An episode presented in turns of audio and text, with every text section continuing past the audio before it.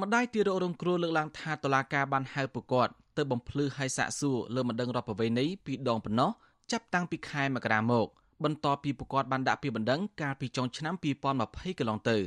ម្ដាយទីរកការជំងឺស្រេកស្លាំងលោកស្រីច័ន្ទផលគុណបានប្រាប់វិទ្យុអាស៊ីសេរីនៅថ្ងៃទី21ខែសីហា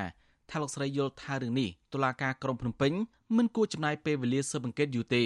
ដោយសារមន្ត្រីជំនាញក្រសួងពាណិជ្ជកម្មបានរកឃើញផុសតាងបែបវិទ្យាសាស្ត្ររួចទៅហើយ ដែលបង្ហាញពីកំហុសឆ្គងរបស់ភាគីក្រុមហ៊ុនលោកស្រីថាការពន្យាពេលនេះបានធ្វើប៉ះពាល់ដល់សេដ្ឋកិច្ចគ្រួសារពេលវេលាហើយផ្លូវចិត្តជាដើមលោកស្រីស្នើក្រសួងពាណិជ្ជកម្មជួយផ្ដល់មេធាវីការពីក្តីរឿងនេះដើម្បីជួយសម្របសម្រួលផ្លូវច្បាប់ដើម្បីតាមដានរឿងនេះ កន្លងតាំងពីពេលហ្នឹងមកគឺកាត់សូត្រគឺមានចំណាត់ការឬក៏ការអាប់ដេតបន្ថែមថាតើនីតិវិធីតុលាការគេដើរដល់ជំហានណាជំហានណីដើម្បីពួកយើងបានដឹងតែមកយើងព្យាយាមចង់ស្នើទៅកាន់អាយដាប់រដ្ឋមន្ត្រីដើម្បីគាត់គ្រប់គ្រងសូមការគ្រប់គ្រងពីខាងលោកក៏ដូចជាសូមឲ្យលោកជួយចាត់វិធានការរឿងមួយដែលជារឿងគួរផ្ដល់អត្ថភាពពីព្រោះនេះតកតងជាមួយសុខភាពអ្នកប្រើប្រាស់ហើយវិច័យដល់អីវាប៉ះជាមួយនឹងអាយុជីវិតរបស់ទារក ស្រដៀងគ្នានេះដែរម្ដាយទារកការជំងឺស្លេកស្លាំងម្នាក់ទៀតលោកស្រីលាវសំណាងថ្លែងថារយៈពេលច្រើនខែមកហើយដែលតុលាការមិនដែលផ្ដល់ដំណឹងអំពីដំណើរការក្តីរឿងនេះទេ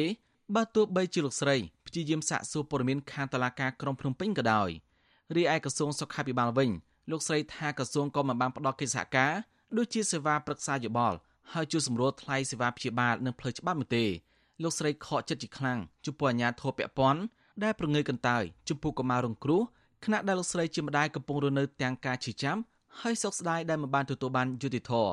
តាំងពីក្មេងអាយុទៅ2 3ខែរហូតដល់ឥឡូវក្មេងមកខួប2ខួបជាងអស់ហើយហ្នឹងហើយអញ្ចឹងគិតថារឿងហ្នឹងមិនអីចង់តាមដានដល់ក្មេងអាយុ18ឆ្នាំឲ្យបញ្ចប់រឿងខ្ញុំអត់យល់ពិតជាអយុធធម៌ដល់ស្មានហ្នឹងអត់ទាន់មានគេហៅថាដំណោះស្រាយណាមួយមកលើម្ដាយឪពុកកុមាររងគ្រោះម្ដាយទីរកកាត់ជំងឺស្លេកស្លាំងម្នាក់ទៀតគឺលោកស្រីជាសកុនធីរីបានប្រាប់ថាកូនលោកស្រីបានប្រើប្រាស់ម្សៅទឹកដោះគោ Nutriland របស់ក្រុមហ៊ុន SNTK Trading ទុំរំលោកស្រីដឹងហួសពេលព្យាបាលទៅហើយស្ត្រីរូបនេះថាកូនលោកស្រីបានកើតជំងឺខ្វះគ្រាប់ឈាមក្រហមខ្វះជាតិដែកនិងសង្កសីធ្ងន់ធ្ងរបណ្ដាលឲ្យប៉ោងក្បាលលូតលាស់យឺនរាងកាយមិនរឹងមាំជាដើមលោកស្រីចាប់ផ្ដើមព្យាបាលជំងឺឲ្យកូនតាំងពីគេអាយុ9ខែរហូតដល់បច្ចុប្បន្នលោកស្រីបន្តអំពីវនីវដល់អាជ្ញាធរពាក់ព័ន្ធពន្យល់សំណុំរឿងប្រឆាំងនឹងក្រុមហ៊ុនម្សៅទឹកដោះគោ Nutrilite ឲ្យបានឆាំ ដើម្បីផ្ដល់សំណងសម្រម្យនិងយុត្តិធម៌សម្រាប់កុមាររងគ្រោះ។នៅបារម្ភរឿងមួយទៀតដែរនឹងដែលគ្រូពេទ្យគាត់ថាប៉ះពាល់ជាដែកក្នុងកំឡុងពេលការលូតលាស់គាត់អញ្ចឹងមិនដឹងថាពេលកូនខ្ញុំធំទៅទៀតទៅផ្នែកបញ្ញាស្មារតីគាត់មិនដឹងថាត្រូវមានខ្សោយជាងគេឬក៏មិនអីមិនចឹងឥឡូវនេះខ្ញុំនៅតាមដានគាត់រហូតដល់ធំចូលរៀនទៀតមកបងវិទ្យុអេស៊ីសរ៉ៃមិនតន់អាចតកតងអ្នកនាំពាក្យក្រសួងយុតិធធលោកចិនម៉ាលីនដើម្បីសុំការបញ្ជាក់អំពីរឿងនេះបានទេ នៅថ្ងៃទី21ខែសីហា ដោយទូរស័ព្ទចូលតែពុំមានអ្នកទទួលវិទ្យុអេស៊ីសរ៉ៃក៏មិនអាចតាក់ទងតំណាងក្រុមហ៊ុន SNTK Trading ដែលនាំចូលម្សៅទឹកដោះគោ Nutrilite នេះបាននៅឡើយដែរកាលពីខែមករាព្រះរាជអាជ្ញារងអមសាលាដំបងរាជធានីភ្នំពេញលោកសេងហៀងបានកោះហៅម្ដាយពុកទៅរករងគ្រោះឲ្យជួយបំភ្លឺបន្ថែមលើបណ្ដឹងរបស់ពួកគេដែលប្តឹងទាមទារសំណងពីក្រុមហ៊ុន SNTK Trading ជុំវិញរឿងនេះប្រធានតុលាការក្រុងភ្នំពេញលោកតាំងសុនឡាយបានប្រាប់វិទ្យុអេស៊ីសរ៉ៃ ថាលោកមិនអាចតម្រូវតាមចិត្តពុកម្ដាយកុមាររងគ្រោះបានទេដោយសារករណីនេះលោកទៅទទួលបានសំណុំរឿងពីស្ថាប័នអัยការកាលពីម្សិលមិញ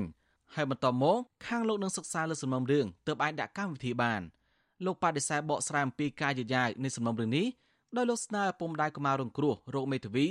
ដើម្បីដឹងអំពីដំណើរការរឿងក្តីនេះគ្នាទៅទទួលសំណុំរឿងថ្ងៃប្រហោះត្រូវមើលរឿងឲ្យយល់ហើយបានគេដាក់កម្មវិធីបានហើយបើគាត់ថាយឺតខ្ញុំអត់មានយោបល់ឆ្លើយតបទេ ទោះជាយ៉ាងណាម្ដាយទូរករងគ្រោះអះអាងថាជាង5ខែមកហើយដែលពួកគាត់ពុំបានទទួលចំណាត់ការណាមួយពីតុលាការក្រុងភ្នំពេញនៅឡើយទេជុំវិញរឿងនេះប្រធានសមាគមការពារសិទ្ធិមនុស្សអាត6លោកនីសុខាមានប្រសាសន៍ថាតុលាការមានកាតព្វកិច្ចពង្រឹងនីតិវិធីអំពីសំណុំរឿងនេះលោកថាការអូសបន្លាយនីតិវិធីបានធ្វើប៉ះពាល់ដល់សិទ្ធិទទួលបានយុត្តិធម៌របស់គ្រួសារកុមាររងគ្រោះលោកសង្កេតឃើញថាតុលាការហាក់មិនសិទ្ធខ្នះខ្នែងអំពីរឿងនេះទេលោកស្នើរដ្ឋមន្ត្រីក្រសួងយុតិធធ ជំរុញតុលាការពន្លឿនលើសំណុំរឿងនេះស្របតាមគោលចំហរបស់ក្រសួងកន្លងមកដែលចង់ដោះស្រាយបញ្ហាកកស្ទះសំណុំរឿងនៅតុលាការនៅពេលដែលយើងការអូសបន្លាយរឿងនឹងឲ្យវាវែងឆ្ងាយអញ្ចឹងវាអាចធ្វើឲ្យប៉ះពាល់ទៅដល់សិទ្ធិទទួលបានយុត្តិធម៌របស់ជនរងគ្រោះហើយបើយើងមើលពីទំហំនៃរឿងហ្នឹងវាហាក់បីដូចជាមិនគួរមានការអូសបន្លាយដល់រយៈពេលប៉ុណ្ណឹងទេព្រោះរឿងហ្នឹងយូរហើយកាលពីដើមខែកញ្ញាឆ្នាំ2020ក្រសួងពាណិជ្ជកម្មបានបញ្ជាផ្អាកចរាចរណ៍ឲ្យប្រមូលត្រឡប់មកវិញ នៅម្សៅទឹកដោះគោ Nutrilett ចំនួន6លេខកូន មានដូចជាលេខ487 488 536 537 538និងលេខ539ហើយបញ្ឈប់ការនាំចូលម្សៅទឹកដោះគោប្រភេទនេះចូលទីផ្សារក្នុងប្រទេស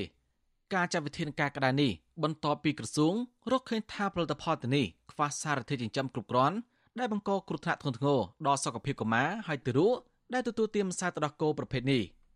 ក្រុមហ៊ុនម្សៅទឹកដោះគោ Nutrilett បានប្រកាសសុំទោសជាសាធារណៈហើយអះអាងថាក្រុមហ៊ុនមនឹកស្មានថាម្សៅទឹកដោះគោដែលក្រុមហ៊ុននាំចូលហើយចែកចាយអរិយាពេល9ឆ្នាំនេះ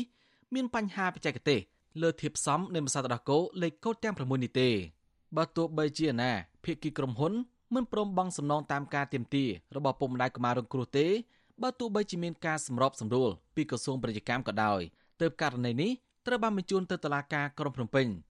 គ្រួសារកុមាររងគ្រោះអះអាងថាសំណុំរឿងនេះពាក់ព័ន្ធដល់យុវជីវិតនិងសុខភាពទារកទើបប្រកបបន្តទៀមទារោគយុតិធធឲ្យខាងតបានតាមក្រមនយោបាយខ្ញុំសនចាររថាវិទ្យុអេស៊ីសរ៉ៃរាយការណ៍ពីរដ្ឋធានីវ៉ាស៊ីនតោន